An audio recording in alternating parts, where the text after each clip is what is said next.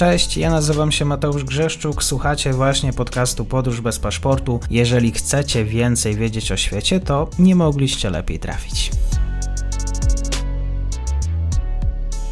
Partnerem odcinka jest Oanda, TMS Brokers, dom maklerski obecny na rynku już od ponad 20 lat. W opisie odcinka znajdziecie link do aplikacji, w której możecie otworzyć konto maklerskie i grać na giełdzie, a wcześniej potrenować na koncie demonstracyjnym. Jeżeli otworzycie konto za pośrednictwem tego linku, dostaniecie na start książkę o tematyce inwestycyjnej. Zapraszam, Mateusz. Dzień dobry Państwu, dzień dobry wszystkim słuchaczom. Wielka przyjemność już po dłuższej przerwie, dlatego dzień dobry bardzo. My się spotykamy o poranku. Adrian Zwoliński, ekonomista w Instytucie Boima, ekspert do spraw tego, co powiązane z rynkami, z światem finansów. Dzień dobry, kłaniam się. Witam serdecznie Państwa, witam serdecznie Ciebie. Pozdrawiam. Tak jest. O Butanie rozmawialiśmy już jakiś czas temu. E, to był materiał, e, mogli Państwo słuchać z Ewą Gajewską.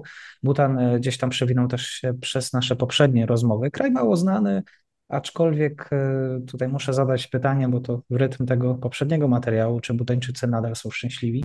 No właśnie, jak Państwo może pewnie nie słyszeli, bo ta informacja się nie odbiła szerokim echem, e, Butan wydał e, nową edycję swojego indeksu szczęścia, czy też raportu szczęścia narodowego brutto za 2022 rok. To jest swojego rodzaju wydarzenie, bym powiedział, ponieważ ten raport nie jest wydawany corocznie. On raptem był e, wydany tam e, w 2006, to był taki pilotaż, a takie pełne raporty to był 2010, 2015, no i teraz tak naprawdę można powiedzieć, że to jest trzeci tego rodzaju raport. Więc można powiedzieć, że dużo się słyszy o tym szczęściu narodowym brutto i Butanie z nim związanym, no ale ten raport nie jest tak właśnie często wydawany. I co z tego w takim razie raportu można wyczytać? Tym razem to jakaś nowa lektura? Czy... Nowa, stara, tak bym powiedział. Zawsze, Szanowni Państwo, jak y, omawiam kwestie wskaźników gospodarczych, czy takich rozwoju gospodarczego, bo to jest taki wskaźnik rozwoju gospodarczego, czy tak szeroko rozumianego rozwoju społeczno-ekonomicznego, to zawsze się trochę zastanawiam, jak głęboko w to wchodzić. Zbyt ogólnie może trochę wprowadzić w błąd, zbyt szczegółowo może zanudzić. Pozwolę sobie więc wybrać taką pośrednią ścieżkę. Ale to, jeżeli pozwolisz, bym powiedział najpierw dwa słowa o tym, o czym w ogóle mówimy. Co to jest to szczęście? Tak, krótka przypomniałka na pewno się przyda. Świetnie. To jest taka koncepcja, która powstała od y, jednego, przypisuje się to jednemu z królów, buta, z, z królów butańskich, w czasach, kiedy jeszcze była to y, monarchia absolutna. Niektóre źródła, najczęściej źródła podają, że jeden z królów właśnie miał powiedzieć, że szczęście narodowe brutto jest ważniejsze od PKB, od produktu y, krajowego brutto. Zwyczaj mówi się, że to, to, to, słowo, to, ta koncepcja powstała w latach 70., czasem podaje się 1973. Na tyle, na ile y, przeprowadziłem małe śledztwo i to zbadałem, ciężko wskazać jakiekolwiek tutaj y, jasne, klarowne źródła. Zresztą też mamy, zresztą też mamy takie badanie, które te źródła, te źródła badało i też nie udało się tutaj wskazać takiego jasnego, klarownego pochodzenia tej koncepcji. Natomiast na pewno na pewno ono, y, można powiedzieć, powstało właśnie w samym Butanie i to badanie, o którym powiedziałem, to autorstwa Munro, pewnie powstawało przez lata. Mówię pewnie, ponieważ jest to taka trochę naleciałość tradycji, koncepcji buddyjskich, ich podejścia do ekonomii, więc mimo, że różne oficjalne źródła podają konkretne właśnie źródła czasowe, to szanowni Państwo, jest to trochę taka hagiografia opowieść. Ale czym jest ta koncepcja szczęścia narodowego brutto? Zacząłem od tego, że samo jej jak gdyby pochodzenie jest trochę takie tradycyjne, owiane lekko legendą i, i, i związane jest ono z takim podejściem ponad PKB. To znaczy, że warto byłoby mierzyć rozwój gospodarczy ponad PKB. Tylko to ponad PKB, czyli to szczęście narodowe brutto jest rozumiane właśnie w tej tradycji buddyjskiej. Raport, który, tak jak powiedziałem, jest wydawany, składa się z dziewięciu, dziewięciu domen. Te domeny to są takie obszary, tak można powiedzieć, jak psychologiczny dobrobyt, zdrowie, użytkowanie czasu, edukacja, e, ale też kulturalna różnorodność e, czy aspekty ekologiczne, standardy życia. Czyli składa się z takich różnych obszarów e, związanych z ludzkim życiem. Na takim ogólnym poziomie Brzmi to tak bardzo uniwersalnie, że każdy z nas mógłby się gdzieś to wpasować, ale na takim szczegółowym poziomie on się składa kilkudziesięciu wskaźników. Mm, te wskaźniki są mocno związane z, mm, z warunkami Butanu. I tak na przykład y, istotna jest tutaj duchowość, istotne jest tutaj mm, podążanie za tak zwanym y, kodem etykiety za tak zwaną etykietą, która się nazywa Driglam Namza, która się składa na pewne takie oficjalne zachowania, ale też na dress code między innymi. No oczywiście są też kwestie, które są uniwersalne, jak e, dochód, jak właśnie edukacja, ale są też takie silnie związane z lokalną kulturą. I teraz e, nie wiem, czy jeszcze mam chwilę, żeby móc Mamy oczywiście, jasne. Świetnie.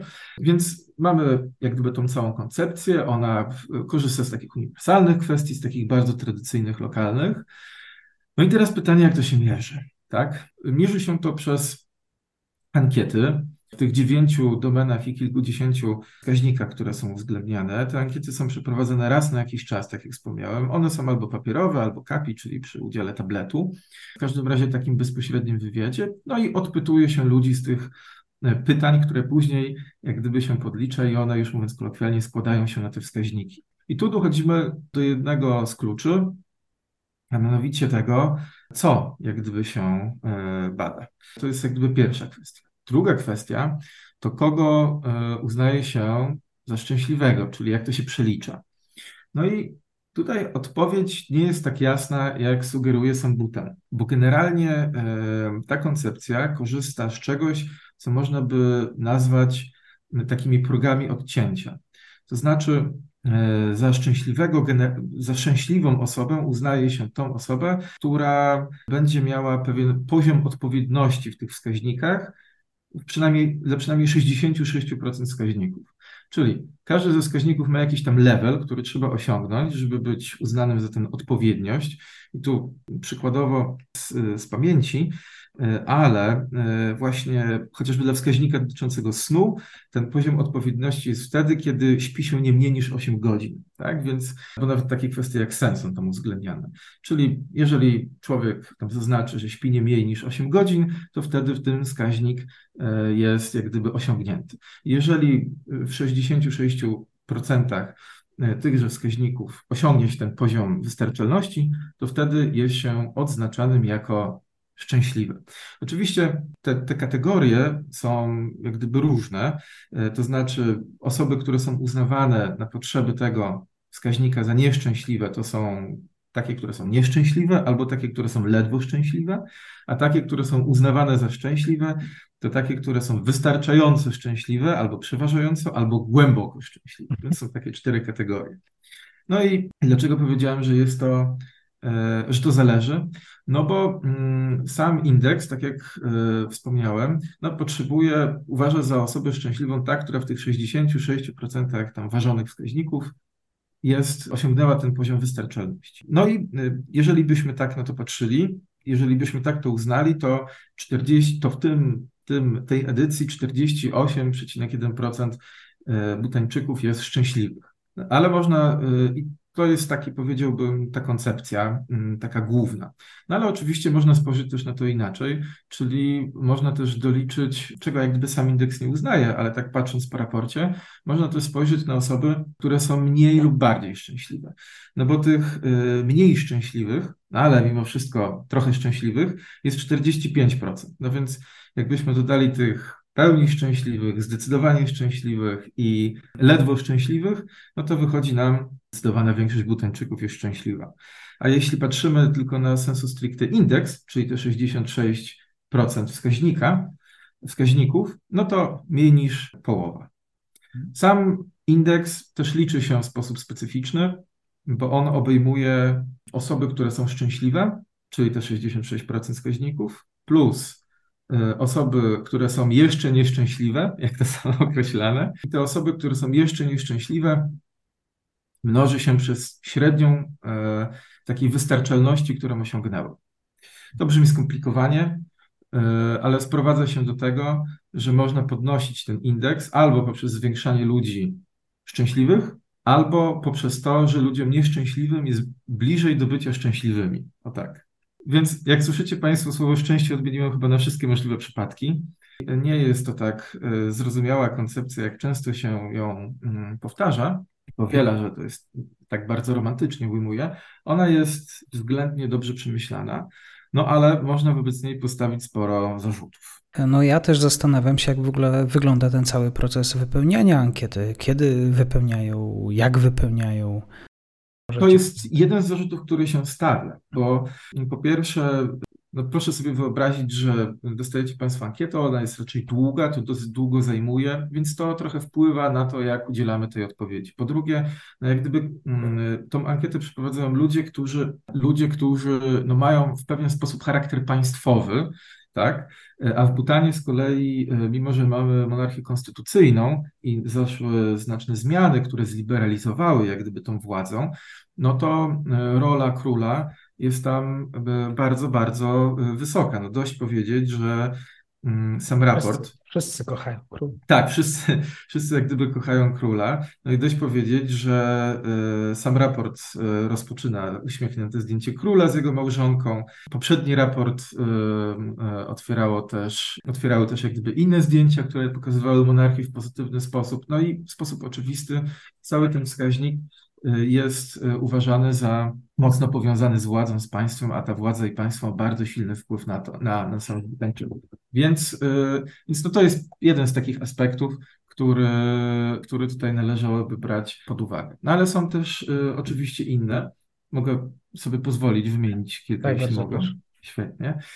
Yy, dzięki. No, y, pierwsze to dotyczy tego, że bardzo łatwo jest stworzyć szczęśliwe społeczeństwo, kiedy wypędza się znaczną część ludzi nieszczęśliwych. A to dotyczyło Butanu mm, w latach 80., w latach 90., a mianowicie była tam y, mniejszość etniczna, która no, miała pochodzenie nepalskie. Mm, ta mniejszość etniczna, no mówiąc krótko, na skutek y, różnych starć, tak bym powiedział, została, została wypędzona mm, albo pozbawiona obywatelstwa. Ta mniejszość, e, ta mniejszość nazywała się, e, zawsze mam wątpliwość, dobrze wymawiam, no bo to jest mimo wszystko specyficzny, e, specyficzny język Longchampa, tak mam nadzieję, że dobrze wymawiam. No w każdym razie doprowadziło to do tego, że około 1 szósta populacji Butanu według Amnesty International, bo to oczywiście dane są różne, została wypędzona, pozbawiona obywatelstwa.